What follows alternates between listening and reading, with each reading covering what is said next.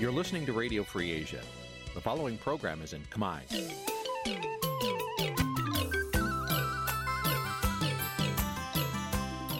Nǐ ជាកម្មវិធីផ្សាយ Vuthu Azizi Serai នេះជាកម្មវិធីផ្សាយរបស់ Vuthu Azizi Serai ជាភាសាខ្មែរ Vuthu Azizi Serai សូមស្វាគមន៍លោកអ្នកនាងទាំងអស់ពីរដ្ឋធានី Washington នៃសហរដ្ឋអាមេរិកពីរដ្ឋធានី Washington នាងខ្ញុំសុជីវីសូមជម្រាបសួរលោកអ្នកនាងកញ្ញាអ្នកស្ដាប់វិទ្យុអាស៊ីសេរីទាំងអស់ជាទីមេត្រីយើងខ្ញុំសូមជូនកម្មវិធីផ្សាយសម្រាប់ព្រឹកថ្ងៃច័ន្ទ5កើតខែបុស្សឆ្នាំថោះបัญចស័កពុរសករាជ2567ចាប់ដែលត្រូវនឹងថ្ងៃទី15ខែមករាគ្រិស្តសករាជ2023ជាដំបូងនេះសូមអញ្ជើញលោកអ្នកនាងស្ដាប់ព័ត៌មានប្រចាំថ្ងៃដែលមានមេត្តាដូចតទៅ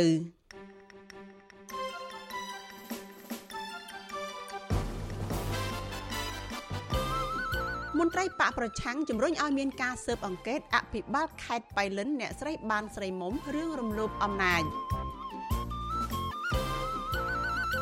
អ្នករិះគន់ថាលោកហ៊ុនម៉ាណែតប្រើនយោបាយប្រជាពិធដ្ឋនិងមិនគិតពីផលប្រយោជន៍ពលរដ្ឋទៅតាមលំនាំអ្នកដឹកនាំផ្ដាច់ការជនជាដើមភាគតិចភ្នងខេត្តមណ្ឌលគិរីអះអាងថាអាញាធរកិច្ចមិនដោះស្រាយវិវាទដីធ្លី អ្នកលក់ម្ហូបអាហារនៅក្រុងបាត់ដំបងត្អូញត្អែពីចំណូលរបស់ពួកគេធ្លាក់ចុះរួមនឹងព័ត៌មានសំខាន់សំខាន់មួយចំនួនទៀតចាជាបន្តទៅទៀតនេះនាងខ្ញុំសុជីវីសូមជូនព័ត៌មានទាំងនេះពិស្ដាលោកអ្នកនាងជាទីមេត្រីមន្ត្រីអង្គការសង្គមស៊ីវិលនិងមន្ត្រីគណៈបកប្រឆាំងជំរុញឲ្យអាជ្ញាធរពាក់ព័ន្ធបើកការស៊ើបអង្កេត ករណីអភិបាលខេត្តបៃលិនអ្នកស្រីបានស្រីមុំ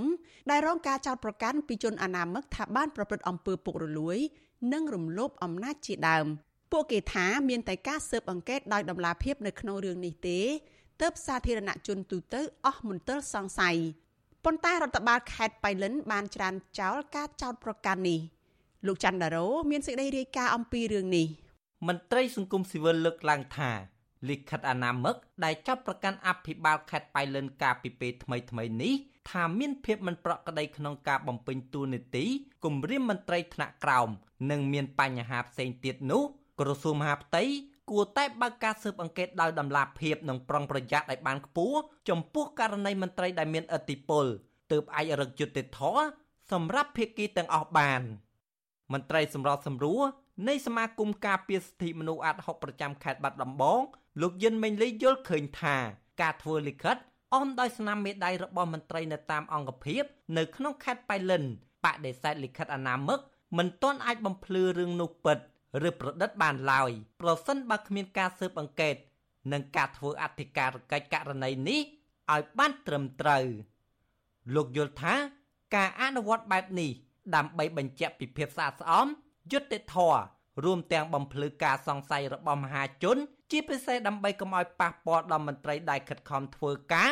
និងបម្រើសង្គមជាតិដើម្បីស្វែងរកការពិតថាតើលិខិតនឹងវាជាលិខិតពិតឬក៏បញ្ហាទាំងអស់នឹងវាកើតមានមែនឬក៏វាមិនមែនដើម្បីលាងជំរះនៅមន្ទិលសង្ស័យដើម្បីលាងឲ្យលោកទទាវនឹងបានភាពស្អាតស្អំឡើងវិញឬក៏យ៉ាងម៉េចហ្នឹងខ្ញុំគិតថាក្រសួងមហាផ្ទៃដែលជាអាណាព្យាបាលគ្រាប់ បីតែមានក្រុមអធិការកិច្ចមួយចុះធ្វើការស្រាវជ្រាវដោយប្រុងប្រយ័ត្នដើម្បីស្វែងរកការពិត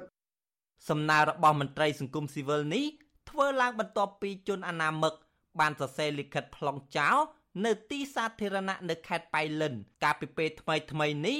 ដោយអះអាងថាតំណាងឲ្យអភិបាលរងខេត្តបៃលិន បានសរសេរលិខិតមួយច្បាប់ផ្ញើជូនលោកនាយករដ្ឋមន្ត្រីហ៊ុនម៉ាណែត ឲ្យចុះធ្វើអធិការកិច្ចជុំវិញរឿងមិនប្រក្រតីចំពោះការដឹកនាំរបស់អភិបាលខេត្តបៃលិន គឺអ្នកស្រីបានស្រីមុំរំលោភអំណាច ដែលនាំឲ្យមន្ត្រីនៅតាមមន្ទីរអង្គភាពនៅក្នុងខេត្តមិនពេញចិត្តលិខិតនោះចោទថាក្រោមការដឹកនាំរបស់អ្នកស្រីបានស្រីមុំបានធ្វើឲ្យបែកបាក់សាមគ្គីដណ្ដើមអំណាចគ្នាផ្ទៃក្នុងដោយសារតែអ្នកស្រីមិនបានអនុវត្តតាមទូនីតិភារកិច្ចរបស់ក្រសួងមហាផ្ទៃម្យ៉ាងទៀត អ្នកស្រីបានស្រីមុំតែងតែដោះដូរឬដកតំណែងមន្ត្រីតាមអំពើចិត្តដូចជាប្រធានពន្ធនាគារប្រធានមន្ទីរដែនដី ប្រធានមន្ទីរសិប្បកម្មនិងឧស្សាហកម្មដោយគ្មានអភិបាលរងណាហ៊ានជំទាស់នោះទេដោយសារតែអ្នកស្រីប្រាប់ថាលោកហ៊ុនសែននិងលោកហ៊ុនម៉ាណែតបញ្ជាឲ្យដកបើទោះបីដឹងថាមន្ត្រីទាំងនោះជាមនុស្សល្អនិងសកម្មការងារបកក៏ដោយមិនតែប៉ុណ្ណោះលិខិតនោះចោទទៀតថា អ្នកស្រីបានស្រីមុំបានដើរតួនាទីជាអធិការកិច្ចនិងគ្រប់គ្រងថវិកាទាំងអស់របស់មន្ទីរអង្គភាពក្រមហេតុផលប្រមូលថវិកាជូនលោកហ៊ុនម៉ាណែតដោយប្រមូលជូនលោកហ៊ុនសែនកន្លងទៅដែរដើម្បីធ្វើការងារបកថ្នាក់លើខណៈពួកគេ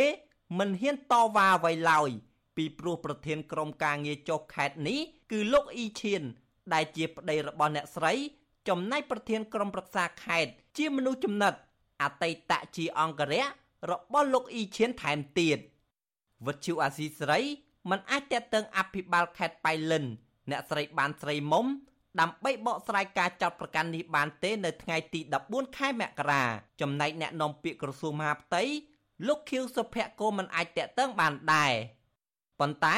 រដ្ឋបាលខេត្តបៃលិនអភិបាលអភិបាលរងខេត្ត និងមន្ទីរអង្គភាពថ្នាក់ក្រោមកាលពីថ្ងៃទី12ខែមករាបានចេញលិខិតបដិសេធលិខិតអនាមិកដែលពួកគេថាជាការបន្លំខ្លួនធ្វើជាអភិបាលរងខេត្តនេះពួកគេបានចោទប្រកាន់មន្ត្រីគណៈបកភ្លើងទៀនលោកខឹមមនីកសលថាបានបង្ហោះលិខិតក្លែងក្លាយនៅលើបណ្ដាញសង្គម Facebook ដែលមានខ្លឹមសារមួបង្កាច់ញុះញង់បំបែកបំបាក់សាមគ្គីផ្ទៃក្នុងថ្នាក់ដឹកនាំខេត្តប៉ៃលិនលិខិតបដិសេធ ដែលមានខ្លឹមសារស្រដៀងគ្នានោះមិនបានស្នើឲ្យអាជ្ញាធរបើកការស៊ើបអង្កេតរឿងនេះដោយឯករាជ្យនោះទេប៉ុន្តែពួកគេស្នើឲ្យសមត្ថកិច្ចចាត់វិធានការផ្លូវច្បាប់លើជនអនាមិកទៅវិញឆ្លើយតបរឿងនេះអតីតមន្ត្រីសុខាភិបាលខេត្តបៃលិននិងជាមន្ត្រីគណៈបកភ្លើងទៀនកំពុងភៀសខ្លួននៅប្រទេសថៃលោកខឹមមនីកសលប្រាប់វិទ្យុអស៊ីសេរី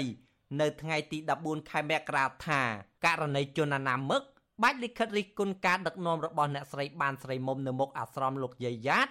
និងកន្លែងផ្សេងទៀតលោកទទួលបានពីប្រជាពលរដ្ឋនៅមូលដ្ឋាន ក្រោយពេលលោកទទួលបានលិខិតនោះពីបណ្ដាញសង្គមលោកបញ្ជាក់ថាមូលហេតុដែលលោកបង្ហោះលិខិតនៅលើ Facebook ដើម្បីជំរុញរដ្ឋាភិបាលយកចិត្តទុកដាក់លើមន្ត្រីថ្នាក់ក្រោមដែលពួកគាត់មិនហ៊ានចេញមុខតវ៉ាលោកបន្ថែមថាបើផ្អែកតាមខ្លឹមសារនៅលើលិខិតនោះ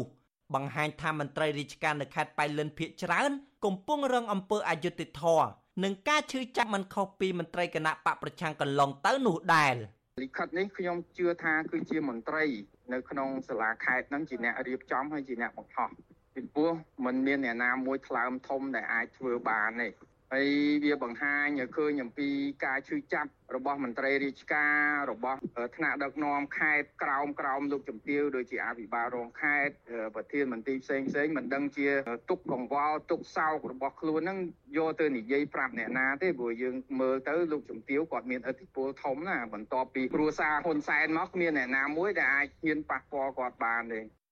ការដឹកនាំរបស់អ្នកស្រីបានស្រីមុំក្នុងរយៈពេលប្រមាណ3ឆ្នាំមកនេះ ពុំសូវឃើញមានការអភិវឌ្ឍគួរឲ្យកត់សម្គាល់នោះទេ នៅក្នុងខេត្តបៃលិនហេដ្ឋារចនាសម្ព័ន្ធដូចជាផ្លូវនិងស្ពានជាដើមភាគច្រើនជាសមិទ្ធផលនិងគម្រោងរបស់អភិបាលខេត្តមុន ស្របពេលសកម្មភាពចំនួនវិញ ហាក់ដើរថយក្រោយថែមទៀតជាងនេះទៅទៀតអ្នកស្រីបានស្រីមុំជាប់ឈ្មោះអាស្រូវរឿងច្បាមយកដីប្រជាពលរដ្ឋប្រើអំណាចជាអភិបាលខេត្តបណ្ដេញមន្ត្រីរាជការចេញពីក្របខ័ណ្ឌតាមអំពើចិត្ត អ្នកស្រីជាប់ឈ្មោះថាជាស្ត្រីខ្លាំងនៅខេត្តបៃលិន ដែលតែងតែបង្ក្រាបលើសិទ្ធិនយោបាយនិងការបញ្ចេញមតិរបស់អ្នកដែលមាននិន្នាការផ្ទុយពីរដ្ឋាភិបាលខ្ញុំបាទច័ន្ទដារោវុទ្ធុអាស៊ីសេរីលោកនាងកញ្ញាប្រិយមិត្តជាទីមេត្រីមន្ត្រីបកប្រឆាំងនិងយុវជនលើកឡើងថា ការគៀងគរពលរដ្ឋឲ្យទៅគាំទ្រលោកយមត្រីហ៊ុនម៉ាណែតនៅក្នុងដំណើរទស្សនកិច្ចនៅប្រទេសបារាំងថាគឺជារបៀបរបបរបស់មេដឹកនាំផ្ដាច់ការនិងជានយោបាយប្រជាពិធដ្ឋមិនផ្ដល់ផលប្រយោជន៍ទៅដល់ជាតិការលើកឡើងនេះបន្ទាប់ពីលោកហ៊ុនម៉ាណែតបង្ហោះនៅលើ Facebook អគុណប្រជាពលរដ្ឋខ្មែរនិងនិស្សិតរស់នៅទ្វីបអឺរ៉ុបដែលទៅទទួលស្វាគមន៍លោកចាកញ្ញាខណ្ឌលក្ខណារាយការណ៍អំពីរឿងនេះ លោកនាយករដ្ឋមន្ត្រីហ៊ុនម៉ាណែតសរសេរលើ Facebook របស់លោកនៅថ្ងៃទី14មករាថាប្រជាពលរដ្ឋខ្មែរនិងនិស្សិតរស់នៅទ្វីបអឺរ៉ុបបានមកទទួលនិងស្វាគមន៍លោកយ៉ាងកក់ក្ដៅសម្រាប់ដំណើរបំពេញទស្សនកិច្ចនៅប្រទេសបារាំងនិងស្វីសទោះជាយ៉ាងណាការទៅទទួលស្វាគមន៍លោកហ៊ុនម៉ាណែតនេះធ្វើឡើង បន្ទាប់ពីក្រមមន្ត្រីរបស់លោក បាននាំគ្នាធ្វើយុទ្ធនាការគៀងគរប្រជាពលរដ្ឋនិងនិស្សិតខ្មែររស់នៅទ្វីបអឺរ៉ុប ឲ្យបង្ហោះសារគាំទ្រនិងឲ្យរងចាំស្វាគមន៍មេដឹកនាំរដ្ឋាភិបាលក្រុងភ្នំពេញរូបនេះតាំងពីមុនលោកហ៊ុនម៉ាណែតមិនទាន់ទៅដល់ប្រទេសបារាំងសកម្មជនបរិស្ថានលោកលីចន្ទរាវុធប្រវិសុអាស៊ីសេរីថាការគៀងគរប្រជាពលរដ្ឋនៅក្រៅប្រទេសឲ្យបង្ហោះវីដេអូគាំទ្រនិងរងចាំទទួលនេះគឺជាស្ទីលរបស់មេដឹកនាំផ្ដាច់ការ ហើយជាការធ្វើនយោបាយប្រជាពិធដ្ឋដើម្បីបង្ហាញពីភាពអស្ចារ្យថាមានពលរដ្ឋគ្រប់គ្រងខ្លួនច្រើនប៉ុន្តែសកម្មភាពនេះគ្មានប្រយោជន៍អ្វីដល់ប្រទេសជាតិឡើយលោកក៏សម្គាល់ថាមេដឹកនាំប្រទេសផ្សេងវិញគឺគេមិនអោយប្រជាពលរដ្ឋម្ចាស់ឆ្នោតធ្វើដូច្នេះឡើយពីព្រោះការទៅបំពេញទស្សនកិច្ចនៅក្រៅប្រទេស គឺជាកាតព្វកិច្ចរបស់រដ្ឋាភិបាល លោកទទូចឲ្យលោកហ៊ុនម៉ាណែតងាកមកស្ដារលទ្ធិប្រជាធិបតេយ្យនិងការគោរពសិទ្ធិមនុស្សដើម្បីទទួលបានអត្ថប្រយោជន៍ពីប្រទេសលោកសេរីមិនមែនតែមេដឹកនាំទេប៉ុន្តែអាជ្ញាធរគ្រប់ជាន់ថ្នាក់នៅក្នុងរបបដឹកនាំរបស់គាត់នឹងដោះស្រាយបញ្ហាដោយមានប្រសិទ្ធភាពជាជាងការគៀងគរមនុស្សប្រមាណអ្នកដើម្បីចេញវីដេអូឃ្លីបគ្រប់គ្រងខ្លួនអញ្ចឹងណាយើងឃើញថានៅក្នុងសង្គមយើងមានបញ្ហាច្រើនហើយដូច្នេះបញ្ហាទាំងអស់នោះវាទាមទារឲ្យយើងដោះស្រាយឲ្យបាន មកចត់ហើយទទួលស្គាល់ថាយើងមានបញ្ហាហើយយើងរកដំណោះស្រាយមកជាជាងការទៅជួលមនុស្សប្រមាណអ្នកឬក៏យកមនុស្សពីអង្គភាពពីកងកម្លាំងយោធារបស់ខ្លួនយកមកដើរខមមិនវាក៏ចេញវីដេអូដើម្បីគ្រប់គ្រងខ្លួនអានឹងវាមិនដោះស្រាយបញ្ហាសង្គមបានទេអតីតតំណាងរាជគណៈបកសង្គ្រោះជាតិលោកម៉ែនសុថាវរិនមានប្រសាសន៍ថាការគៀងគរនិងរៀបចំឲ្យប្រជាពលរដ្ឋទៅទទួលនេះគឺមិនខុសពីឪពុករបស់លោកធ្វើកន្លងមកនោះទេលោកថាអ្នកដែលទៅទទួលលោកហ៊ុនម៉ាណែត គឺភាកច្រើនអ្នកដែលមានផលប្រយោជន៍នៅកម្ពុជានិងនិស្សិតមួយចំនួនប៉ុន្តែការទៅទទួលនេះអាចមកពីរងការគំរាមកំហែងលោកចាត់ទុកការគៀងគរពលរដ្ឋនិងនិស្សិតឲ្យទៅចាំទទួលនឹងទះដៃគ្រប់ត្រនេះថាมันខុសពីមេដឹកនាំផ្ដាច់ការនៅប្រទេសកូរ៉េខាងជើង តែយើងជាចូលចូលក្នុងបដិកាយបើសិនជាយើងអ្នកសេរីជាតតីសេរីមែនគឺគេមិនដែលបង្ហាញចឹងទេឲ្យធ្វើទង្វើឲ្យល្អយើងដោះស្រាយបញ្ហាប្រទេសជាតិដោះស្រាយបញ្ហាជាបរដ្ឋរៀបចំប្រទេសជាតិត្រឹមត្រូវគាត់ឡើងមើលលោកហ៊ុនម៉ាណែតគាត់ឡើង4ខែជាងហើយតើគាត់ឃើញបានបំពេញអ្វីខ្លះតើគាត់បានធ្វើអីខ្លះដល់ជាបរដ្ឋដល់ប្រទេសជាតិខ្ញុំមើលទៅឃើញពួកខាងបបប្រកាប្រទេសណាដូចណាយើងមើលទៅនៅខាងកូរ៉េខាងជើងទៅ វត្តជអាស៊ីសេរីមិនអាចសុំការអធិប្បាយបញ្ហានេះពីអ្នកនាំពាក្យនាយករដ្ឋមន្ត្រីលោកមាសសុភ័ណ្ឌនិងអ្នកនាំពាក្យក្រសួងការបរទេសកម្ពុជាលោកអានសុខឿនបានទេ នៅថ្ងៃទី14មករាដោយទូរស័ព្ទចូលគ្មានអ្នកទទួល ជុំវិញរឿងនេះកាលពីពេលថ្មីថ្មីមេដឹកនាំបកប្រឆាំងដែលកំពុងនៅរទេសខ្លួននៅប្រទេសបារាំងលោកសំរងស៊ីបានផ្ញើសារប្រាប់ប្រធានាធិបតីបារាំងលោកអេម៉ានូអែលម៉ាក្រុងថាលោកហ៊ុនម៉ាណែតមិនខុសពីឪពុករបស់លោកនោះទេ គឺមានចរិតផ្ដាច់ការបំផ្លាញជាតិជិះជាន់អ្នកប្រជាធិបតេយ្យនិងធ្វើបាបប្រជាពលរដ្ឋ ការផ្ញើសាររបស់លោកសំរងស៊ីនេះបន្ទាប់ពីប្រធានាធិបតីបារាំងកាលពីចុងឆ្នាំ2022ធ្លាប់បានរំលឹកលោកហ៊ុនសែនអំពីការចុះហត្ថលេខាលើកិច្ចព្រមព្រៀងទីក្រុងប៉ារីសឆ្នាំ1991ស្តីពីសន្តិភាពនៅកម្ពុជា ដើម្បីធានាអធិបតេយ្យភាពបូរណភាពទឹកដីរបស់កម្ពុជា សម្រាប់ការកសាងកម្ពុជាឡើងវិញ ក្នុងអំឡុងដំណើរទស្សនកិច្ចរបស់លោកហ៊ុនសែននៅប្រទេសបារាំងលោកសំរងស៊ីរំលឹកថា នៅពេលលោកហ៊ុនសែនវិលត្រឡប់ពីប្រទេសបារាំងវិញលោកក៏បន្តអនុវត្តគោលនយោបាយរឹតបន្តឹងរបស់លោកពេញមួយឆ្នាំ2023ដូចជាការចាប់ខ្លួនអនុប្រធានគណៈបកភ្លើងទៀនលោកថៃស៊ីថាការបិទវិសុសម្លេងប្រជាធិបតេយ្យ VOD ការកាត់ទោសលោកកឹមសុខា ការកាត់ទោសមេដឹកនាំសហជីព Nagawal កញ្ញាឈឹមស៊ីធររួមទាំងការចាប់ឃុំខ្លួន និងអំពើហិង្សាវាយដំកាប់សម្លាប់ លើអ្នករិះគន់ជាច្រើនអ្នកទៀតលើសពីនេះលោកហ៊ុនសែនក៏បានបិទមិនអោយគណៈបកភ្លើងទៀនចូលរួមការបោះឆ្នោតហើយរៀបចំការបោះឆ្នោតដែលសហគមន៍ជាតិនិងអន្តរជាតិចាត់ទុកថា ជាការបោះឆ្នោតបង្ក្រប់កិច្ចដើម្បីផ្ទេរអំណាចឲ្យលោកហ៊ុនម៉ាណែតខ្ញុំខណ្ឌលក្ខណាវັດឈុអស៊ីសេរីលោកអ្នកនាងកញ្ញាប្រិយមិត្តអ្នកស្ដាប់ជាទីមេត្រីលោកអ្នកកំពុងស្ដាប់វិទ្យុអាស៊ីសេរីផ្សាយចេញពីរដ្ឋធានី Washington សហរដ្ឋអាមេរិក អ្នកខ្លាំមើលស្ថានភាពកម្ពុជាលើកឡើងថាការជំរុញការសាងសង់ស្ទូបឈ្នះឈ្នះរបស់រដ្ឋាភិបាល នៅតាមបណ្ដាខេត្តនានាគឺជាការចំណាយថវិកាខ្ជះខ្ជាយស្របពេលដែលប្រជាពលរដ្ឋកំពុងប្រឈមជីវភាពខ្វះខាតមន្ត្រីជាន់ខ្ពស់គណៈបកប្រឆាំងថាដរាបណាលោកហ៊ុនម៉ាណែតនៅតែមិនហ៊ានប្រកួតប្រជែងនយោបាយដោយយុត្តិធម៌ទេនោះនោះការសាងសង់ស្ទូបឈ្នះឈ្នះមិនមានតម្លៃអ្វីនោះឡើយចាលោកមានរិទ្ធ មានសេចក្តីរាយការណ៍អំពីរឿងនេះអ្នកខ្លំមើលស្ថានភាពកម្ពុជា លើកឡើងថាដើម្បីទទួលបានការសាទរពីសំណាក់ប្រជាពលរដ្ឋរដ្ឋាភិបាលគួរចំណាយថវិកាជាតិលើកកម្ពស់ជីវភាពប្រជាកសិករជាជាងចំណាយលុយដែលបានមកពីការបង់របស់ប្រជាពលរដ្ឋយកទៅកសាងស្ទូបឈ្នះឈ្នះឲ្យប្រជាពលរដ្ឋដឹងគុណគណៈបកកណ្ដាលអំណាច ប្រធានក្រុមប្រឹក្សាឃ្លាំមើលកម្ពុជា នៅប្រទេសណូវេលោកម៉ែណាតយល់ឃើញថាការចំណាយថវិកាជាតិរាប់សម៉ឺនដុល្លារដើម្បីកសាងស្ទូបឈ្នះឈ្នះនៅក្នុងពេលដែលប្រជាពលរដ្ឋកំពុងមានជីវភាពខ្វះខាតនោះបង្ហាញថាថ្នាក់ដឹកនាំរដ្ឋាភិបាលមិនបានយកចិត្តទុកដាក់អំពីសុខទុក្ខរបស់ប្រជាពលរដ្ឋនោះទេលោកបន្តថាការចំណាយថវិកាជាតិ សង់ស្ទូបឈ្នះឈ្នះគឺជាការចំណាយលុយខ្ជះខ្ជាយដែលបានមកពីញើសឈាមរបស់ប្រជាពលរដ្ឋតាមរយៈការបង់ពន្ធបើយើងមើលទៅបច្ចុប្បន្នទាំងលោកហ៊ុនសែនទាំងលោកហ៊ុនម៉ាណែតហ្នឹងវាអត់មានឃើញមានស្មារតីអីក្នុងការបង្រួបបង្រួមផងមានតែស្មារតីបំផ្លិចបំផ្លាញម៉ែគ្នាឯងជន់ជន់ពលិចខ្មែរគ្នាឯងហ្នឹងហើយបន្ទុះសារាយឲ្យអ្នកប្រឆាំងហ្នឹងអាហ្នឹងវាផ្ទុយនឹងរដ្ឋធម្មនុញ្ញហើយកាលណាផ្ទុយនឹងច្បាប់ គោលរបស់ជាតិអស់ហើយអញ្ចឹងរបបដឹកនាំហ្នឹងជារបបដែលមិនអាចរំពឹងមិនអាចសង្ឃឹមអីដល់ប្រជាពលរដ្ឋបានទេ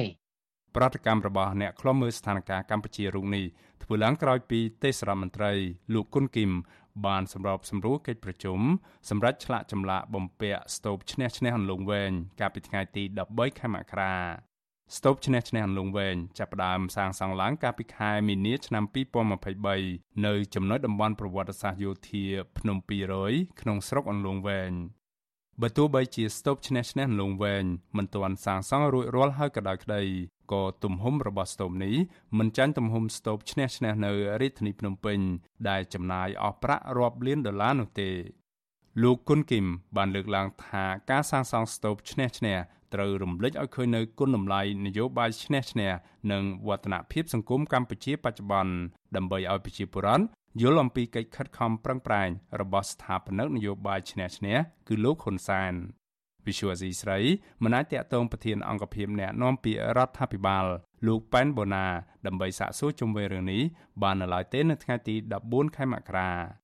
ជុំវិញរឿងនេះមន្ត្រីជាន់ខ្ពស់គណៈបកសង្គ្រោះជាតិលោកម៉ែនសថាវរិន មានប្រសាសន៍ថាការសាងសង់ស្ទូបឈ្នះឈ្នះដើម្បីឲ្យពលរដ្ឋដឹងគុណលោកហ៊ុនសែនគឺជាការលើកដំកើងអតីតនាយករដ្ឋមន្ត្រីរូបនេះហួសហេតុលោកបន្តថាលោកហ៊ុនសែនមិនបានអនុវត្តគោលនយោបាយឈ្នះឈ្នះដើម្បីគិតគូរពីសុខទុក្ខរបស់ប្រជាពលរដ្ឋនោះទេក៏ប៉ុន្តែគឺដើម្បីតែរក្សាអំណាចផ្ដាច់ការរបស់គ្រួសារតកូលហ៊ុននិងបពពួកតែប៉ុណ្ណោះ ធ្វើបាបគេចាប់គេដល់ពុកហើយបើគាត់ទៅសង់ស្ទូបសង់ទៅកើតហើយជារដ្ឋវេទនីយកថវិការដ្ឋទៅធ្វើអីសេដ្ឋកិច្ចអញ្ចឹងយកថវិកាហ្នឹងទៅជួយពលករជួយកម្មករជួយដោះស្រាយបញ្ហាជីវរដ្ឋទាំងអស់តាមខ្សែការខ្វះទឹកខ្វះអីណាហ្នឹងល្អជាងក្រៅពីការសាងសង់ស្ទូបឈ្នះឈ្នះនៅអន្លង់វែងក្រសួងការពារជាតិក៏កំពុងសាងសង់ស្ទូបឈ្នះឈ្នះនៅតាមបណ្ដាខេត្តក្រុងមួយចំនួនទៀតរួមមានខេត្តកោះកុងបន្ទាយមានជ័យនិងខេត្តកំពង់ស្ពឺផងដែរ កន្លងទៅអ្នកវិភាគនយោបាយលើកឡើងថាការសាងសង់ស្ទូបឈ្នះឈ្នះដើម្បីរំលឹកគោលនយោបាយឈ្នះឈ្នះរបស់លោកហ៊ុនសែនដែលដឹកនាំប្រទេសតាមបែបផ្ដាច់ការបែបនេះនឹងមិនមានតម្លៃជាប្រវត្តិសាស្ត្រនោះឡើយខ្ញុំបានមេរិត Visual Asia ស្រីពីរដ្ឋធានី Washington លោកនាងជាទីមេត្រីសេចក្តីរាយការណ៍ពីក្រុងកែបឯណោះឲ្យដឹងថាតុលាការបានសម្រេចឃុំខ្លួនអតីតអភិបាលក្រុងកែបលោកខេងយួនក្រោមបទរំលោភអំណាច និងសម្អាតប្រាក់ អ្នកខ្លោមមើលថាចំណាត់ការរបស់តុលាការនេះជាចំណុចចាប់ផ្ដើមនៃការបោះសម្អាតនិងដាស់តឿនទៅដល់មន្ត្រីដែលប្រើប្រាស់អំណាចរបស់ខ្លួនហួសដែនកំណត់មន្ត្រីរាជការនិងប៉ះពាល់ដល់ផលប្រយោជន៍ជាតិចាលោកមានរិទ្ធមានសេចក្តីរាយការណ៍មួយទៀតអំពីរឿងនេះជូនលោកអ្នកនាងចៅក្រមស៊ើបសួរសាលាដំបងរាជធានីភ្នំពេញលោកទឹកសុធីបូរឆាត នៅថ្ងៃទី14ខែមករាបានសម្រេចឃុំខ្លួនអតីតអភិបាលក្រុងកែប លោកខេងយួនក្រោមបទចោទរំលោភអំណាចនិងបទសម្អាតប្រាក់នេះបើតាមមន្ត្រីតុលាការប្រាប់សារព័ត៌មានក្នុងស្រុក Fresh News ការឃុំខ្លួនអតីតអភិបាលក្រុងកែបរូបនេះធ្វើឡើងបន្ទាប់ពីលោកនាយរដ្ឋមន្ត្រីហ៊ុនម៉ាណែតកាលពីថ្ងៃទី12ខែមករា បានចេញអនុក្រឹត្យបញ្ចប់មុខតំណែងអភិបាលក្រុងកែបលោកខេងយួនក្រោយពីអង្គភាពប្រឆាំងអំពើពុករលួយហៅកាត់ថា ACU រកឃើញថាលោកខេងយួនបានប្រើប្រាស់អំណាចនិងទួនាទីប្រព្រឹត្តអំពើប៉ះពាល់ដល់ផលប្រយោជន៍រដ្ឋនិងផលប្រយោជន៍ពលរដ្ឋជាច្រើនវិសុវអាស៊ីស្រីមិនអាចតតងแนะនាំពីអាយកាអមសាលាដំបងរាជធានីភ្នំពេញលោកប្លង់សុផលដើម្បីសុំការសាកសួរអំពីបញ្ហានេះបាននៅឡើយទេនៅថ្ងៃទី14ខែមករា ចំណែកឯអ្នកនាំពាក្យអគ្គនាយកដ្ឋានពន្ធនាគារលោកនុតសាវណ្ណាប្រាប់វិទ្យុអស៊ីស្រីនៅថ្ងៃទី14ខែមករាថាលោកនៅមិនទាន់ដឹងថាអតីតអភិបាលក្រុងកែបរូបនេះត្រូវបានបញ្ជូនទៅឃុំខ្លួននៅពន្ធនាគារណាមួយនៅឡើយទេ ជុំវិញរឿងនេះអ្នកប្រឹក្សាយោបល់ផ្នែកអភិវឌ្ឍផ្នែកកំណត់និងការស្រាវជ្រាវលោកសេសុជាតិចាត់ទុកការឃុំខ្លួនអភិបាលក្រុងកែបរុងនេះថាជាការដាស់តឿនដល់មន្ត្រីដែលធ្លាប់ប្រព្រឹត្តអំពើពុករលួយនិងធ្វើឲ្យខាតបង់ផលប្រយោជន៍ជាតិដទៃទៀតលោកបន្ថែមថាដើម្បីបោសសម្អាតមន្ត្រីអសកម្មទាំងនោះរដ្ឋាភិបាលលោកហ៊ុនម៉ាណែតគួរតែលើកទឹកចិត្តនិងបង្កើនកិច្ចគាំពារដល់ពលរដ្ឋឲ្យចូលរួមរាយការណ៍ដោយគ្មានការភ័យខ្លាច ពីភាពមិនប្រក្រតីរបស់អាជ្ញាធរគ្រប់លំដាប់ថ្នាក់យល់ឃើញថារាល់សកម្មភាពនិងទង្វើទាំងអស់ដែលអាចធ្វើទៅដោយរលូននិងមានភាពយុត្តិធម៌អាចទទួលយកបានលុះត្រាថាតែរដ្ឋាភិបាលលុបបំបាត់ចោលនៅអំពើពុករលួយហើយធ្វើការកាត់សេចក្តីដោយភាពត្រឹមត្រូវមិនមានការសុខប៉ាន់ឬក៏មិនមានការយោគយល់នៅក្នុងរូបភាពណាមួយជាបពពួកឬក៏ខ្សែស្រឡាយ ការឃុំខ្លួនអតីតអភិបាលក្រុងកែបរូងនេះមានរយៈពេល12ថ្ងៃក្រោយពីអង្គភាពប្រឆាំងអំពើពុករលួយ បានឃាត់ខ្លួនលោកខេងយួននិងនាយករដ្ឋបាលក្រុងកែបគឺលោកអិនហ៊ុនបន្ទាប់ពីពួកលោកចេញពីប្រជុំនៅក្នុងពិធីសំណេះសំណាលជាមួយគ្រូបង្រៀនកម្រិតបឋមសិក្សានៅទូទាំងក្រុងកែបនិងផ្សព្វផ្សាយអនុក្រឹត្យស្តីពីការផ្ទេរមុខងារនៅក្នុងវិស័យអប់រំកាលពីថ្ងៃទី2ខែមករាកន្លងទៅ ក៏ប៉ុន្តែអង្គភាពប្រឆាំងអំពើពុករលួយ បានដោះលែងអតីតអភិបាលក្រុងកែបនិងនាយករដ្ឋបាលក្រុងកែបនោះវិញ នៅថ្ងៃដដែលដែលអះអាងថាជាការភ័ន្តច្រឡំមន្ត្រីសង្គមស៊ីវិលនិងពលរដ្ឋចង់ឃើញរដ្ឋាភិបាលពង្រឹងការអនុវត្តច្បាប់ឲ្យបានតឹងរឹងហើយទទួលយក និងពិនិត្យសំណើរបស់ពលរដ្ឋដើម្បីចូលរួមលុបបំបាត់មន្ត្រីអសកម្មនិងអំពើពុករលួយជាប្រព័ន្ធខ្ញុំបានមេរិត Visual Asia ស្រីពីរដ្ឋធានី Washington លោកអ្នកនាងកញ្ញាជាទីមេត្រីយុវជនចលនាមេដាធម្មជាតិអះអាងថានឹងនៅតែបន្តយុទ្ធនាការនិយាយអំពីកោះកុងក្រៅនៅរៀងរាល់ថ្ងៃអាទិត្យបន្តទៀតបើទោះបីជាអាញាធរគម្រាមកំហែងរារាំងនិងធ្វើទុកបុកម្នេញយ៉ាងណាក៏ដោយការអះអាងនេះនៅក្រៅពេលយុទ្ធនាការរបស់ក្រុមយុវជនចលនាមេដាធម្មជាតិដែលចាប់ផ្ដើមជាលើកដំបូងកាលពីថ្ងៃទី7ខែមករាដែលជាការជួបជុំគ្នាហាត់ប្រាណជជែកពីកោះកុងក្រៅ នៅតាមមាត់ទន្លេចតុមុខត្រូវបានអាជ្ញាធរខណ្ឌដូនពេញរារាំងជាមួយគ្នានេះមិត្តរបស់យុវជនចលនាមេដាធម្មជាតិមួយរូបជាជនជាតិអាល្លឺម៉ង់ក៏ត្រូវអាជ្ញាធរបង្ខំឲ្យចាក់ចេញពីកម្ពុជា ដោយសារចូលរួមយុទ្ធនាការនេះទោះជាយ៉ាងណាយុវជនចលនាមេដាធម្មជាតិចាត់ទុកការគម្រាមកំហែងរារាំងយុវជន មិនឲ្យនិយាយពីកោះកុងក្រៅនេះថាជាការលាក់កំបាំងព័ត៌មានពិតនិងជាលេសរបស់អាជ្ញាធរ ដើម្បីការពារអ្នកមានលុយមានអំណាចដែលកំពុងក្តោបយកកោះកុងក្រៅទៅជាសម្បត្តិឯកជនចាលោកអ្នកនាងនៅបានស្ដាប់បទសម្ភាសអំពីរឿងនេះនៅក្នុងការផ្សាយរបស់យើងនៅពេលបន្តិចទៀតនេះ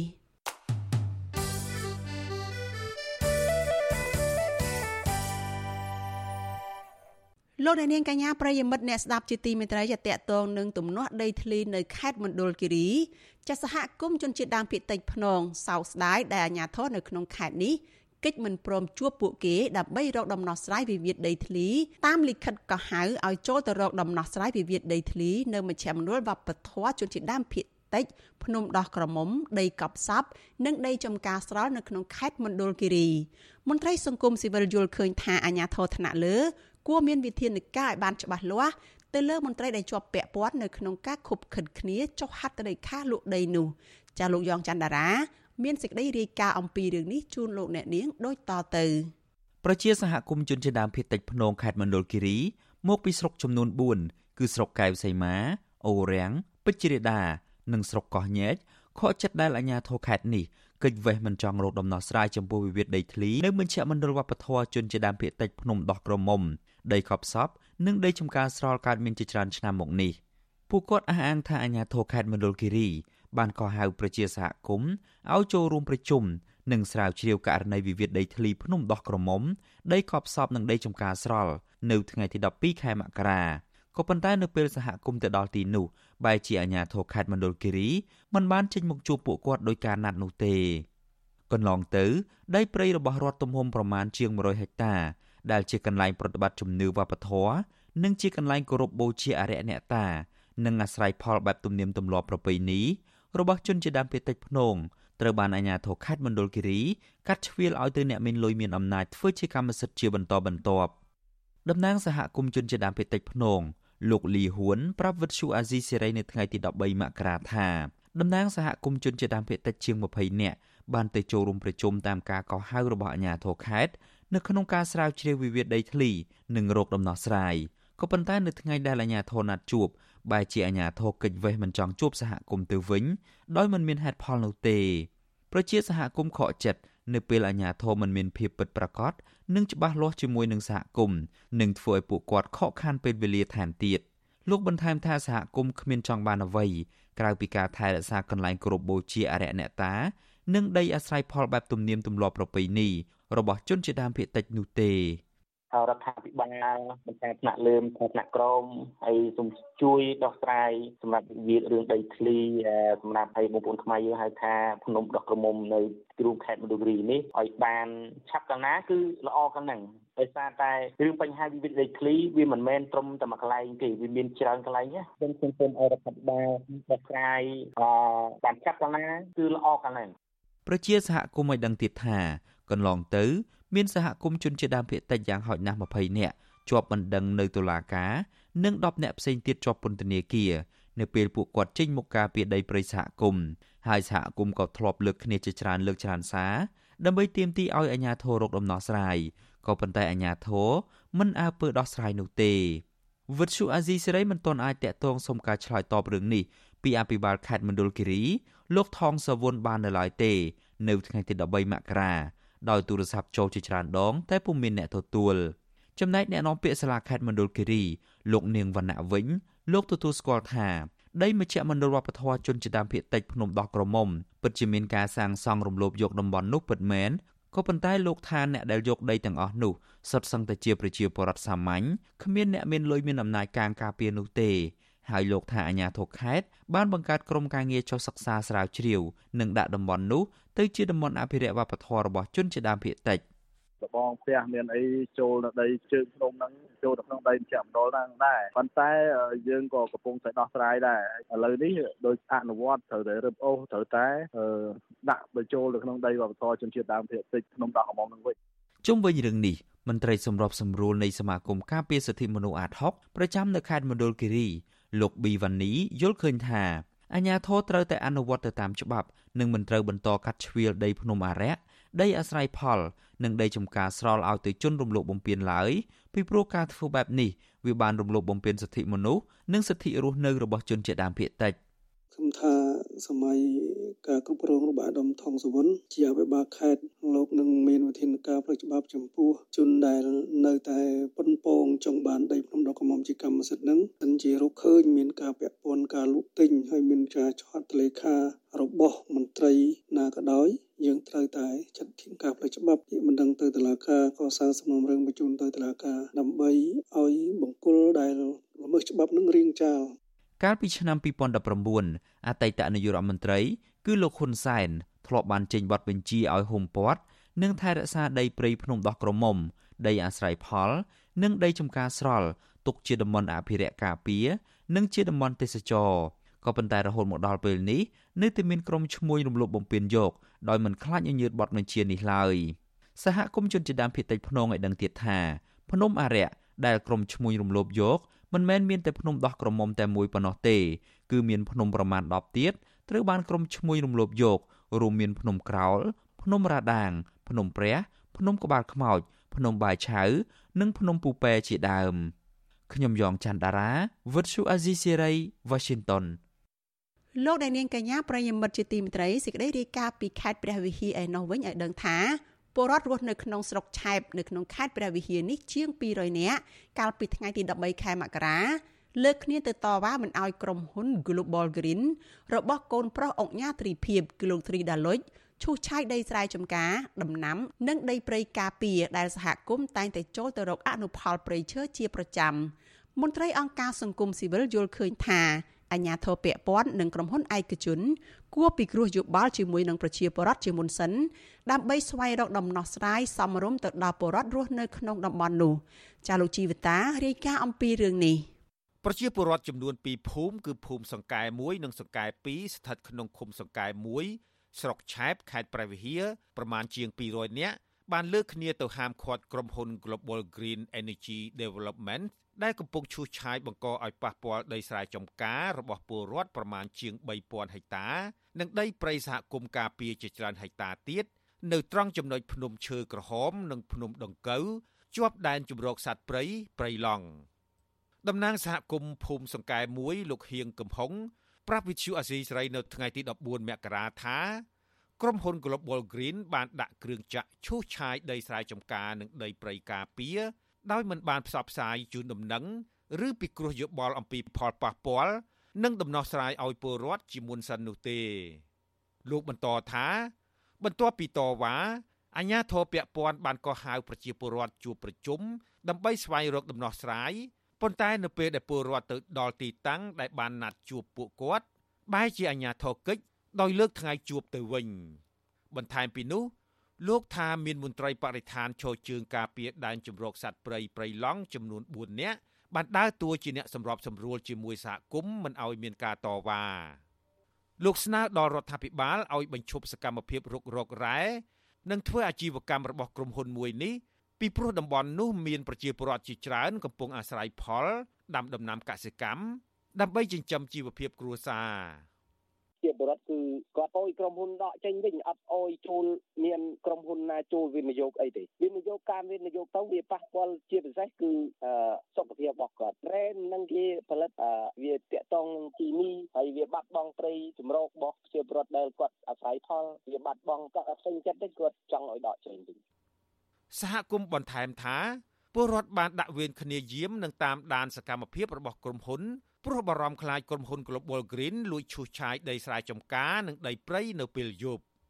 វិទ្យុអាស៊ីសេរីមិនអាចតាក់ទងแนะនាំពាក្យក្រសួងរ៉ែនិងធម្មពលលោកអឹងឌីប៉ូឡានិងប្រធានមន្ត្រីរ៉ែនិងធម្មពលខេត្តព្រះវិហារលោកសុនច័ន្ទរក្សាដើម្បីសុំការឆ្លើយតបជុំវិញបញ្ហានេះបានទេនៅថ្ងៃទី14មករាដោយទូរស័ព្ទចូលគ្មានអ្នកទទួលចំណែកតំណាងក្រុមហ៊ុន Global Green Energy Development លោកហាក់ស៊ីណាត មិនអត្ថាធិប្បាយជុំវិញរឿងនេះទេលិខិតលេខ0020ចុះថ្ងៃទី30ខែតុលាឆ្នាំ2023របស់ក្រសួងរ៉ែនិងធម្មពលឲ្យដឹងថាក្រុមហ៊ុន Global Green Energy Development ទទួលបានសិទ្ធិក្នុងការរុករករ៉ែលោហៈនៅលើផ្ទៃដីទំហំ15គីឡូម៉ែត្រការ៉េស្ថិតនៅឃុំសង្កែស្រុកឆែបខេត្តព្រះវិហារជុំវិញរឿងនេះនាយកអង្គការពន្លកខ្មែរលោកពឹកសុភ័ណ្ឌយល់ឃើញថា អញ្ញាធរពពាន់នឹងក្រុមហ៊ុនឯកជនគួរតែផ្ដល់ព័ត៌មាននិងពិគ្រោះយោបល់ជាមួយពលរដ្ឋដែលរស់នៅជុំវិញតំបន់នោះជាមុនសិនដើម្បីស្វែងរកដំណោះស្រាយសមរម្យមួយដែលពួកគាត់អាចទទួលយកបានមុនធ្វើអាជីវកម្មលោកបន្តថាប្រសិនបើក្រុមហ៊ុននិងអាជ្ញាធរពាក់ព័ន្ធមិនបានជូនដំណឹងឬពិគ្រោះយោបល់ជាមួយពលរដ្ឋហើយបន្តឈូសឆាយធ្វើឲ្យប៉ះពាល់ដីស្រែចម្ការរបស់ពលរដ្ឋនោះ វាជាការរំលោភបំពានសិទ្ធិពលរដ្ឋនិងជាអំពើខុសច្បាប់ប្រ សិនបើមិនបានធ្វើការវិតម្លៃហេតុផលបរិស្ថានទេហើយស្រាប់តែរដ្ឋាភិបាលផ្ដល់ឬក្បាលអាជ្ញាប័ណ្ណការរុករកឬក៏ធ្វើអាជីវកម្មអីចឹងជាដើមទៅធ្វើឲ្យប៉ះពាល់សិទ្ធិសម្រាប់ចិត្តរបស់សហគមន៍នៅមូលដ្ឋានអានេះបង្ហាញពីការរំលោភបង្ហាញពីការអភិវឌ្ឍគ្មានតម្លាភាពបច្ចុប្បន្នក្រុមហ៊ុន Global Green ធ្វើអាជីវកម្មរ៉ែដែកចំនួន3កន្លែងផ្សេងគ្នា ក្នុងនោះមាននៅតំបន់កោះកេរនិងភ្នំថ្ម ស្ថិតនៅឃុំរីករាយនិងឃុំរបៀបនៃស្រុករវៀងនិងមួយកន្លែងទៀតនៅឃុំថ្មៀស្រុកជ័យសែនខេត្តព្រះវិហារដែលប៉ះពាល់ដីស្រែចម្ការរបស់ពលរដ្ឋកំពុងអាស្រ័យផលនៅតំបន់នោះជាច្រើនហិកតា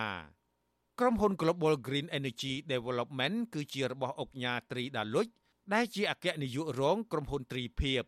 លោកត្រីដាលុចមានអាយុ30ឆ្នាំ ដែលត្រូវជាកូនប្រុសច្បងរបស់អុកញ៉ាត្រីភិបហើយបច្ចុប្បន្នបុរសវ័យក្មេងរូបនេះកំពុងឈរឈ្មោះជាបេក្ខជនតំណាងរាស្ត្របំរុងលេខរៀងទី9ក្នុងចំណោមបេក្ខជនបំរុង11នាក់នៃគណៈបកប្រជាជនកម្ពុជាមណ្ឌលខេត្តកណ្ដាលនិងជាអនុប្រធានយុវជនស្រុកកណ្ដាលស្ទឹងហើយលោកក៏កាន់តួនាទីជាអនុប្រធានក្រុមការងារថ្នាក់ជាតិចោះជួបឃុំត្បែងស្រុកកណ្ដាលស្ទឹងខេត្តកណ្ដាលទៀតផងខ្ញុំជីវិតាអាស៊ីសេរី លោកអ្នកនាងកញ្ញាជាទីមេត្រីអាជីវករលក់ដូរម្ហូបអាហារនៅក្នុងក្រុងបាត់ដំបងត្អូញត្អែថាបើទោះបីជាក្រុងបាត់ដំបងបានចូលជាសមាជិកបណ្ដាញទីក្រុងមានភាពច្នៃប្រឌិតក្តីតែពួកគេមិនសូវរកចំណូលច្រើនបានដូចមុនឡើយមន្ត្រីអង្គការសង្គមស៊ីវិលលើកឡើងថាអាជ្ញាធរគួរតែផ្សព្វផ្សាយបន្ថែមពីតំបន់ទេសចរនិងមហូបអាហារនៅក្នុងខេត្តបាត់ដំបងឲ្យបានច្រើនជាងមុនដើម្បីទាក់ទាញភ្ញៀវទេសចរជាតិនិងអន្តរជាតិ ឲ្យធ្វើដំណើរកម្សាន្តនៅក្នុងខេត្តមួយនេះចាលោកអ្នកនាងនៅបានស្ដាប់សេចក្តីរាយការណ៍អំពីរឿងនេះនៅពេលបន្តិចទៀតនេះ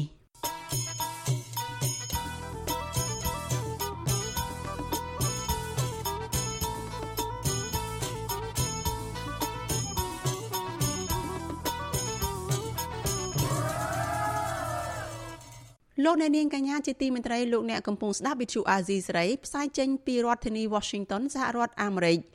មន្ត្រីសង្គមស៊ីវិលជំរុញទៅរដ្ឋាភិបាលឲ្យទប់ស្កាត់ការនាំចូលសាច់បង្កកដែលកំពុងតែធ្វើឲ្យប៉ះពាល់ទៅដល់ទីផ្សាររបស់កសិករក្នុងស្រុកនិងស្នើឲ្យក្រសួងពាក់ព័ន្ធអនុវត្តច្បាប់ឲ្យមានតម្លាភាពពួកគាត់អះអាងថាប្រសិនបើមន្ត្រីនៅតាមក្រសួងនីមួយៗអនុវត្តតែតាមបញ្ជារបស់នាយករដ្ឋមន្ត្រីលោកហ៊ុនម៉ាណែតនោះគឺมันអាចជួយដោះស្រាយទុក្ខលំបាករបស់ពលរដ្ឋឲ្យបានទាន់ពេលវេលាឡើយ មន្ត្រីអង្គការសង្គមស៊ីវិលនិងកសិករចង់ឃើញរដ្ឋាភិបាលមានឆន្ទៈក្នុងការដោះស្រាយបញ្ហាតម្លៃសាច់សត្វនៅក្នុងស្រុកចុះថោកប្រធានមជ្ឈមណ្ឌលប្រជាពលរដ្ឋដើម្បីអភិវឌ្ឍនិងសន្តិភាពលោកយងកំឯងប្រាប់វិទ្យុអាស៊ីសេរីនៅថ្ងៃទី14ខែមករាថាលោកសាទរដែលក្រសួងកសិកម្មនិងក្រសួងពាណិជ្ជកម្មផ្អាកការនាំចូលគ្រឿងក្នុងសัตว์និងបំណែកសាច់សត្វបង្កក លោកបន្ថែមថាក្រសួងពាក់ព័ន្ធគួរតែដោះស្រាយបញ្ហាដោយខ្លួនឯងដើម្បីដោះស្រាយបញ្ហាប្រឈមរបស់កសិករឲ្យបានឆាប់រហ័ស។ បើចាំតានាយករដ្ឋមន្ត្រីអាចយឺតអញ្ចឹងអាផលប៉ះពាល់នោះវាអាចមានទំហំធំបាទអញ្ចឹងក្រសួងមួយមួយជាក្រសួងជំនាញគេហៅក្រសួងជំនាញហើយហើយបើក្រសួងជំនាញអត់ព្រមធ្វើកិច្ចការងារអស់នឹងហើយក្រសួងជំនាញហ្នឹងគឺជាអ្នកដែលមើលឃើញថាផលប៉ះពាល់ហ្នឹងវាធំធេងវាបាទអាចកើតឡើងចំពោះជាពលរដ្ឋអញ្ចឹងក្រសួងជំនាញហ្នឹងហើយត្រូវតាស្នើសុំយោបល់ទៅនាយករដ្ឋមន្ត្រីទៅបាទដើម្បីនាយករដ្ឋមន្ត្រីនោះមានវិធានការបើសិនជារឿងហ្នឹងវាហួសពីសមត្ថកិច្ចដែលខ្លួនត្រូវធ្វើបាទ ការលើកឡើងរបស់មន្ត្រីសង្គមស៊ីវិលរូបនេះស្របពេលដែលក្រសួងពាណិជ្ជកម្មនិងក្រសួងកសិកម្មកាលពីថ្ងៃទី12ខែមករាកន្លងទៅប្រកាសឲ្យក្រុមហ៊ុននាំចូលសាច់បង្កកផ្អាកនាំចូលរយៈពេល6ខែលើការនាំចូលគ្រឿងក្នុងសត្វនិងបំណែកសាច់សត្វបង្កកលិខិតដដែលបញ្ជាក់ថាអណ្ដាតនឹងថ្លើមសัตว์គោក្របី និងបំណែកសាច់គ្រឿងក្នុងដូចជាជ្រូកមាន់ដែលអាចបរិភោគបានក្រៅពីស្លាបភ្លៅថ្លើម និងសាច់ត្រូវយកឆ្អឹងចេញ ចំណែកពោះវៀនក្រពះ ត្រូវខ្លះសេបង្កកឬត្រាំទឹកអំបិលវិធានការផ្អាកនាំចូលបណ្ដោះអាសន្ននេះគឺអនុវត្តចាប់ពីថ្ងៃទី12ខែមិនិនារហូតដល់ថ្ងៃទី12ខែកញ្ញាឆ្នាំ2024ទោះជាយ៉ាងណាសេចក្តីប្រកាសដដែលបង្ហាញថា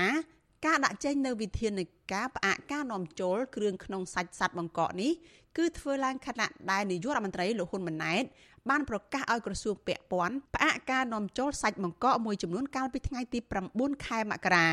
វិទ្យុអាស៊ីសេរីនៅមិនទាន់អាចតេតតណែនាំពាក្យក្រសួងពាណិជ្ជកម្មលោកប៉ែនសុវិជាតិដើម្បីសុំការបកស្រាយបន្ថែមបានទេនៅថ្ងៃទី14ខែមករាកសិករចិញ្ចឹមជ្រូកម្នាក់នៅខេត្តកណ្ដាលលោកស្រី GP ថ្លែងថាការផ្អាកនាំចូលគ្រឿងក្នុងសัตว์មិនអាចជួយឲ្យតម្លៃសាច់ជ្រូកឡើងថ្លៃវិញឡើយលោកស្រីបន្តថាប្រសិនបើរដ្ឋាភិបាលចង់ជួយកសិករឲ្យមានជីវភាពរស់នៅសមរម្យរដ្ឋាភិបាលគួរតែបញ្ឈប់នាំចូលសាច់បង្កកបន្តទៅទៀត ខ្ញុំមូលហេតុរាល់ថ្ងៃនេះខ្ញុំខ្ញុំឃើញផ្ទាល់ហ្មងសាច់បកកនោះមកមកច្រើនអញ្ចឹងយើងលក់រស់នេះបានថ្លៃគេលក់នោះថោកលុបយើងបានតែអញ្ចឹងគេហូបតែយកទៅឆ្លោឆ្អិនគេចេះហូបហើយថោកថ្លៃអញ្ចឹងបានខ្ញុំចង់នំពោះអាសាច់បកកនោះឈប់នាំចូលមកឲ្យខ្មែររហងខំមកខំឲ្យបើថាមិនរហថាខ្មែរខ្ជិលថាខ្មែរអត់ធ្វើអត់រហអញ្ចឹងមិនវាខហើយតែខ្មែរខំពាក់គេរលឹះដើមទៀត ជុំវិញបញ្ហានេះក្រុមប្រឹក្សាពិបាលរបស់អង្គការសាមគ្គីភាពកសិករកម្ពុជាលោកឌីគុន្ធាមានប្រសាសន៍ថារដ្ឋាភិបាលគួរតែកំណត់តម្លៃសាច់សត្វនៅលើទីផ្សារឲ្យបានច្បាស់លាស់និងអនុវត្តតាមគោលនយោបាយដែលបានដាក់ចេញលោកបន្តថាការធានាតម្លៃសាច់សត្វនៅលើទីផ្សារអាចលើកកម្ពស់ជីវភាពកសិករចិញ្ចឹមសត្វនៅក្នុងស្រុកឲ្យមានជីវភាពល្អប្រសើរមានន័យថាយើង ក្រសួងជំនាញមួយមួយហ្នឹងគឺយើងត្រូវតែហាញនៅទេសនៈទានបែបចក្ខុវិស័យវែងឆ្ងាយមួយថានៅក្នុងវិស័យបសុសត្វផលិតកម្មសត្វនោះជ្រូកគោក្របីមាន់ទាប្រទេសកម្ពុជាអាចមានសមត្ថភាពពិតប្រគួតប្រជែងជាមួយប្រទេសជិតខាងបានហើយនៅយើងមិនចាំបាច់អីណាទាល់តែនាយករដ្ឋមន្ត្រីដាក់ចេញអនុសាសន៍បានយើងទៅភ្ញាក់ពីដេកទៅទៅតែដឹងរឿងហ្នឹងហើយរឿងហ្នឹងវាចាថាដំបៅឬជំងឺយូរហើយហើយយើងអត់នាំគ្នាព្យាបាលជំងឺដំបៅ កាលពីថ្ងៃទី30ខែតុលាឆ្នាំ2023កន្លងទៅមន្ត្រីជំនាញអគ្គនាយកដ្ឋានការពារអ្នកប្រាស្រ័យកិច្ចការប្រកួតប្រជែងនិងការបង្ក្រាបក្លែងបន្លំឬហៅកាត់ថាកបបបានចុះបង្ក្រាបការលួចនាំចូលនិងរក្សាទុកសាច់បង្កកចំនួន13តោននៅខេត្តត្បូងឃ្មុំនិងរាជធានីភ្នំពេញក្នុងនោះការិយាល័យស្រាវជ្រាវនិងបង្ក្រាបបំពើរត់ពន្ធនៅក្នុងខេត្តត្បូងឃ្មុំរកឃើញសាច់បង្កកចំនួន10តោនដែលបានលួចនាំចូលពីប្រទេសវៀតណាម តាមរយៈរថយន្តបង្កកសាច់មន្ត្រីជំនាញកសិកម្មនិងកសិករយល់ឃើញថា ការផ្អាកនាំចូលគ្រឿងក្នុងសัตว์និងបំណែកសាច់សัตว์គឺមិនទាន់អាចទប់ស្កាត់ការនាំចូលសាច់សัตว์បង្កកបាននៅឡើយទេពួកគាត់បារម្ភថាការបន្តនាំចូលសាច់បង្កកដោយខុសច្បាប់នឹងប៉ះពាល់ទៅដល់តម្លៃសាច់សត្វនៅក្នុងស្រុកដែលធ្វើឲ្យប្រាក់ចំណូលរបស់ពួកគាត់ធ្លាក់ចុះហើយកសិករមួយចំនួនប្រឈមនឹងបោះបង់មុខរបរចិញ្ចឹមសត្វចោល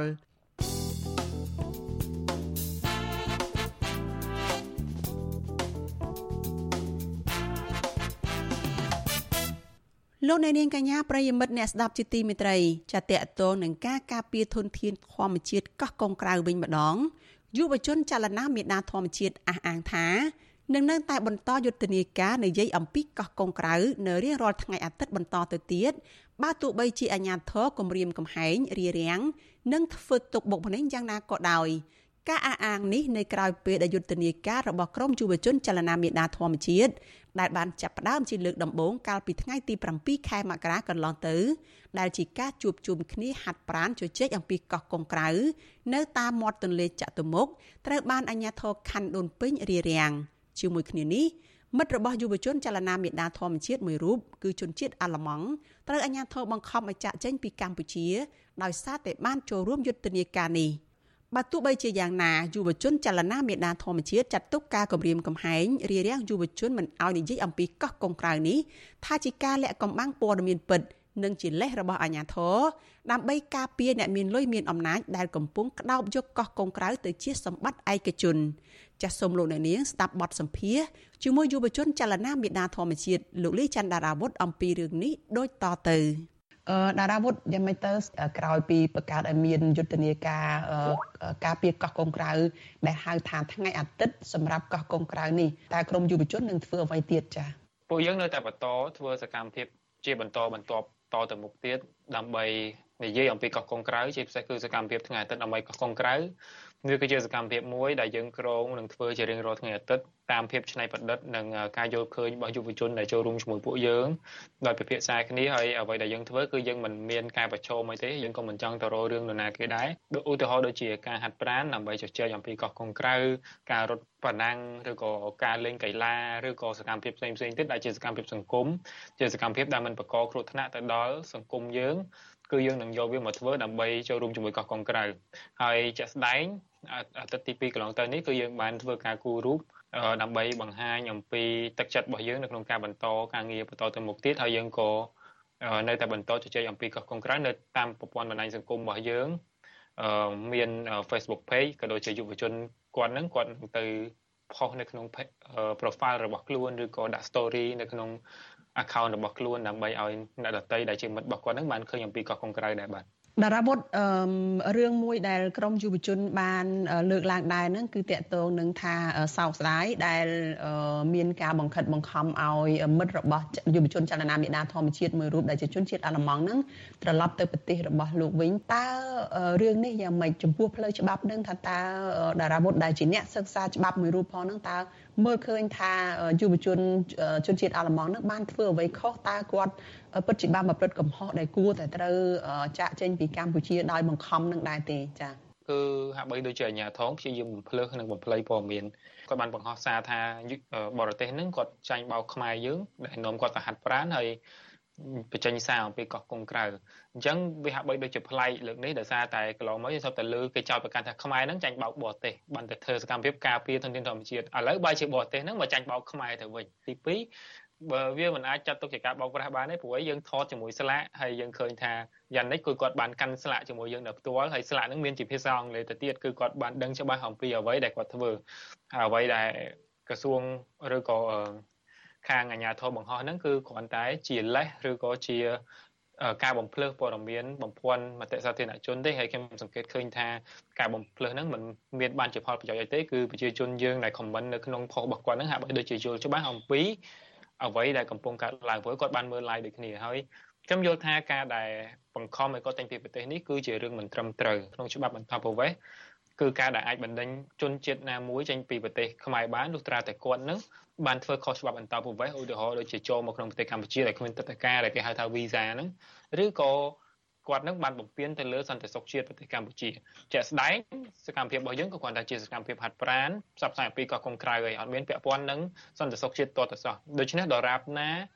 ខាងអាជ្ញាធរមិនអាចបញ្ជាក់បានថា គឺកម្មភាពហាត់ប្រាណដើម្បីកោះកុងក្រៅវាពាក់ព័ន្ធទៅនឹងសន្តិសុខជាតិគឺគាត់មិនអាចបណ្ដេញជនបរទេសនឹងចេញបានទេហើយទី2គឺយ៉ានិកគាត់មានសិទ្ធិនៅក្នុងការចូលរួមសកម្មភាពណាដែលគាត់ចង់ចូលដល់រាប់ណាសកម្មភាពនោះមិនខុសច្បាប់ហើយសកម្មភាពដែលយើងធ្វើក៏មិនខុសច្បាប់ដែរកន្លែងហ្នឹងយ៉ាងម៉េចកោះកុងក្រៅជាតំបន់ដែលมันអាចទៀមទាបានជាតំបន់ដែល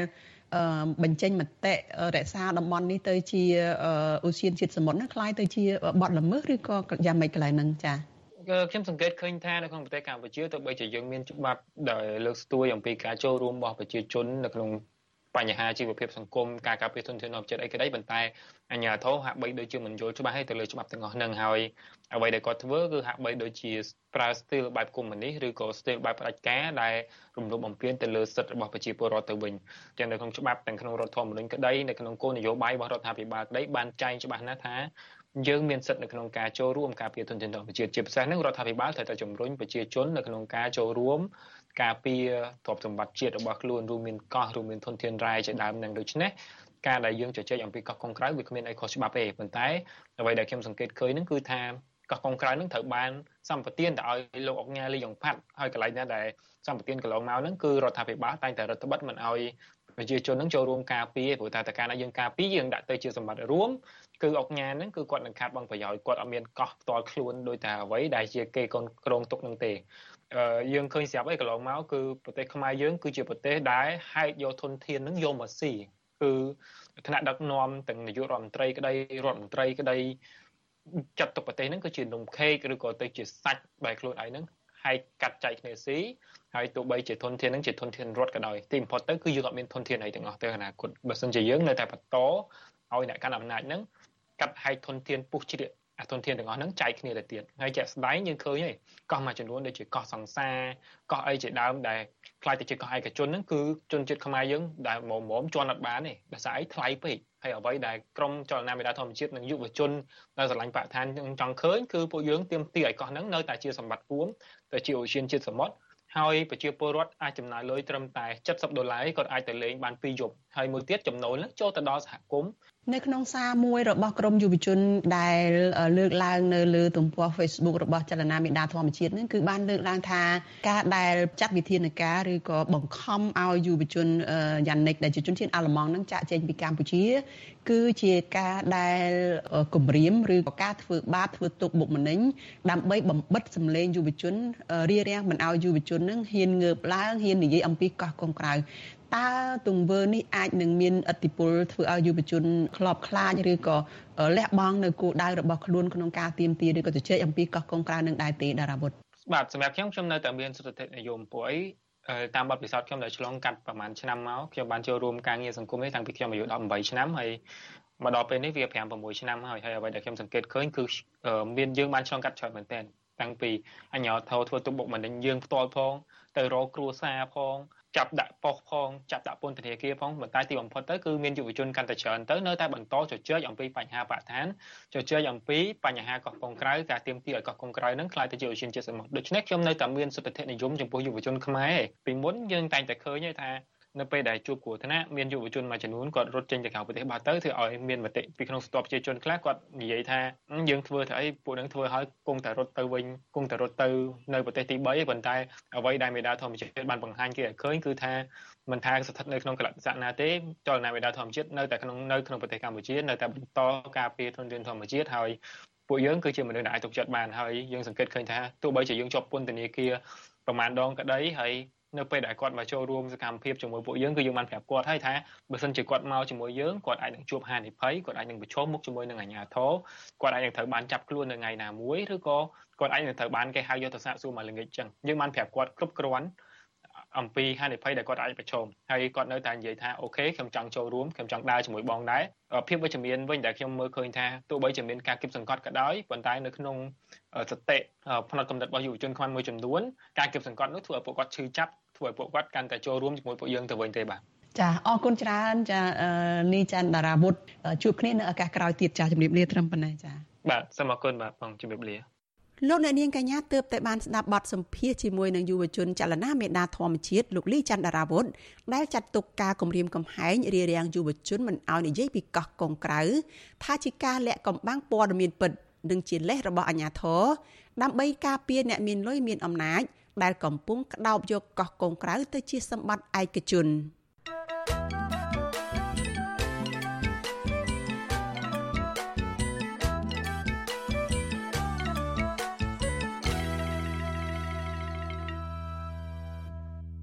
លោកអ្នកនាងប្រិយមិត្តអ្នកស្ដាប់ជាទីមេត្រី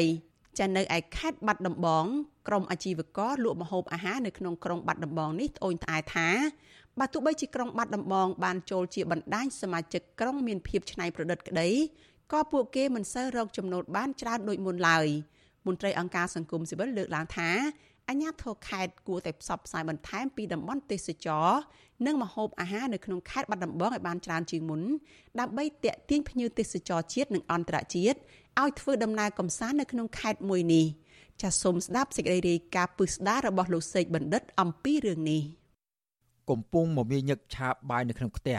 ម្ចាស់ភោជនីយដ្ឋាននៅតាមមាត់ស្ទឹងសង្កែម្នាក់គឺលោកមៀកបូរ៉ាឆ្លៀតផ្ដាល់បទសម្ភាសឲ្យវិទ្យុអសីស្រីថា ការលក់ម្ហូបអាហារនៅភោជនីយដ្ឋានរបស់លោកក្នុងរយៈពេលប្រមាណ3ខែចុងក្រោយនេះ បានថយចុះប្រមាណ50%លោកបន្តថាអតិថិជនរបស់លោកភាគច្រើន បានកាត់បន្ថយការហូបចុកដោយសារតែពួកគេមិនអាចរកប្រាក់ចំណូលដោយកាលពីពេលមុនបោះឆ្នោតថ្នាក់ជាតិកាលពីខែកក្កដានោះឡើយ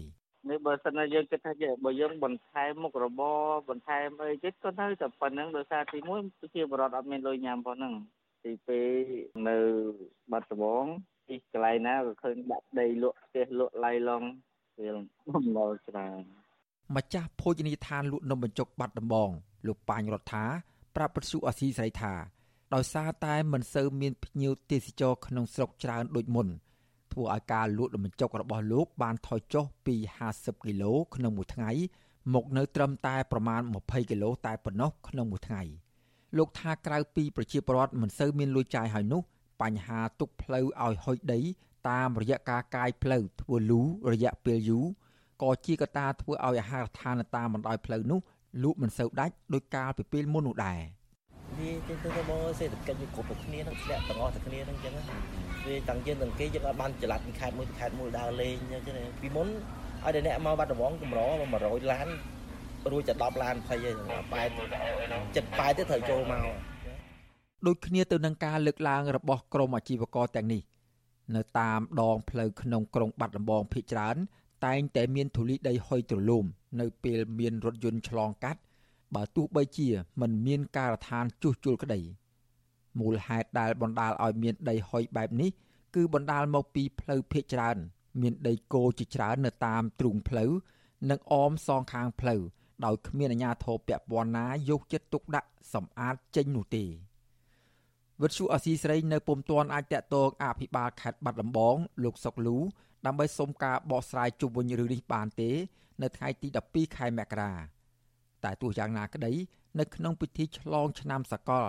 និងពិព័រណ៍មុខមហូបបាត់ដំបង កាលពីចុងខែធ្នូកន្លងទៅ លោកសុកលូបានលើកឡើងថារដ្ឋបាលខេត្តបាត់ដំបង គ្រោងនឹងបញ្ចប់ការដាក់លូតាមផ្លូវក្នុងក្រុងបាត់ដំបង នៅពាក់កណ្ដាលឆ្នាំ2025ខាងមុខឯណោះបើតាមគម្រោងផែនការបែកខាងកើតស្ទឹងនឹងចប់នៅក្នុងអាចពាក់កណ្ដាលឆ្នាំ2024ហើយបែកខាងនេះស្ទឹងនឹងចប់នៅពាក់កណ្ដាលឆ្នាំ2025ប្រកាសឲ្យកណាគម្រោងការធ្វើប្រព័ន្ធលូដោះទឹកកខ្វក់ក្រោមដីនេះចប់យើងប្រកាសជារៀបចំការជួសជុលជាបន្តបន្ទាប់ដល់ផ្លូវលើដីគិតមកដល់ពេលនេះ ក្រុងបាត់ដំបងត្រូវបានអង្គការ UNESCO ដាក់បញ្ចូលទៅក្នុងបញ្ជីសមាជិកបណ្ដាញទីក្រុងដែលមានភាពច្នៃប្រឌិត ដោយសារតែទីក្រុងស្ថិតនៅភាពនិរដីនៃប្រទេសកម្ពុជាមួយនេះមានមុខម្ហូបដែលមានលក្ខណៈពិសេសផ្ទាល់ខ្លួនជាច្រើនមុខអស់រយៈពេលជាង2ខែមកហើយ។ផ្ទុយពីក្តីរំពឹងទុកថាការលក់ម្ហូបអាហារនឹងកើនឡើងនោះក្រុមអាជីវករលក់ម្ហូបអាហារនៅក្នុងក្រុងបាត់ដំបងលើកឡើងដូចដូចគ្នាថា ការលក់ម្ហូបអាហាររបស់ពួកគេបែរជាថយចុះទៅវិញអង្គការ UNESCO បានដាក់ក្រុងបាត់ដំបងជាសមាជិកបណ្ដាញទីក្រុងដែលមានភាពច្នៃប្រឌិតផ្នែកម្ហូបអាហារកាលពីថ្ងៃទី31ខែតុលាឆ្នាំ2023មុខម្ហូបដែលមានលក្ខណៈច្នៃប្រឌិតពិសេសផ្ទាល់ខ្លួនទាំងនោះរួមមានណែមបាត់ដំបងនំបញ្ចុកបាត់ដំបង អាមុកបាត់ដំបង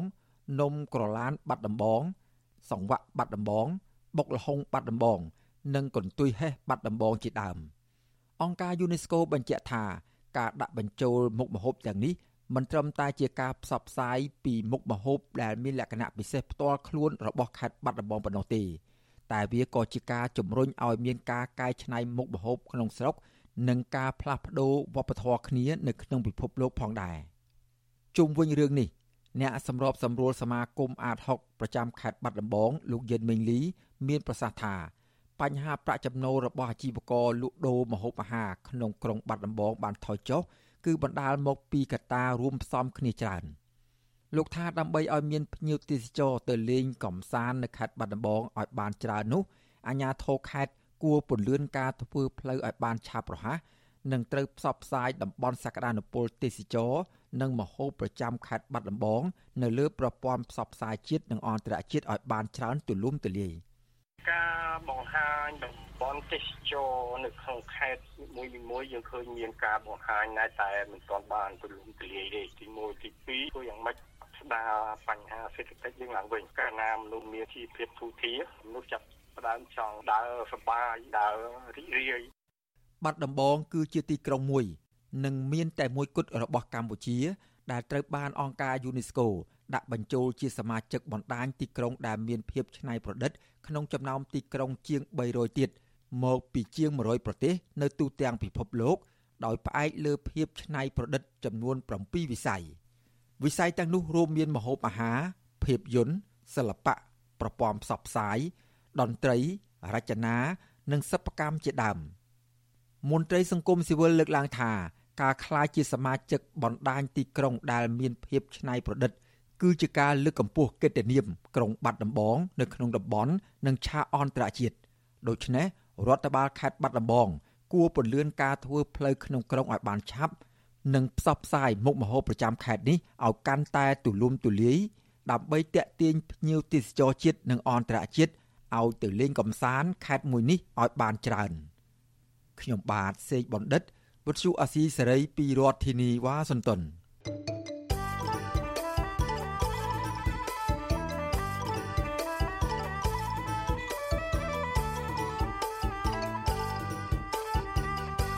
លោកអ្នកនាងជាទីមេត្រីការផ្សាយរយៈពេល1ម៉ោងរបស់វិទ្យុអាស៊ីសេរីចាជាភាសាខ្មែរនៅព្រឹកនេះចាប់ត្រឹមតែប៉ុណ្ណេះ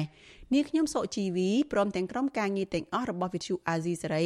ចាសសូមជូនពរដល់លោករនាងកញ្ញានិងក្រុមគ្រួសារទាំងអស់ចាសសូមប្រកបតែនឹងសេចក្តីសុខសុភមង្គលនិងសុខភាពល្អកុំបីឃ្លៀងឃ្លាតឡើយ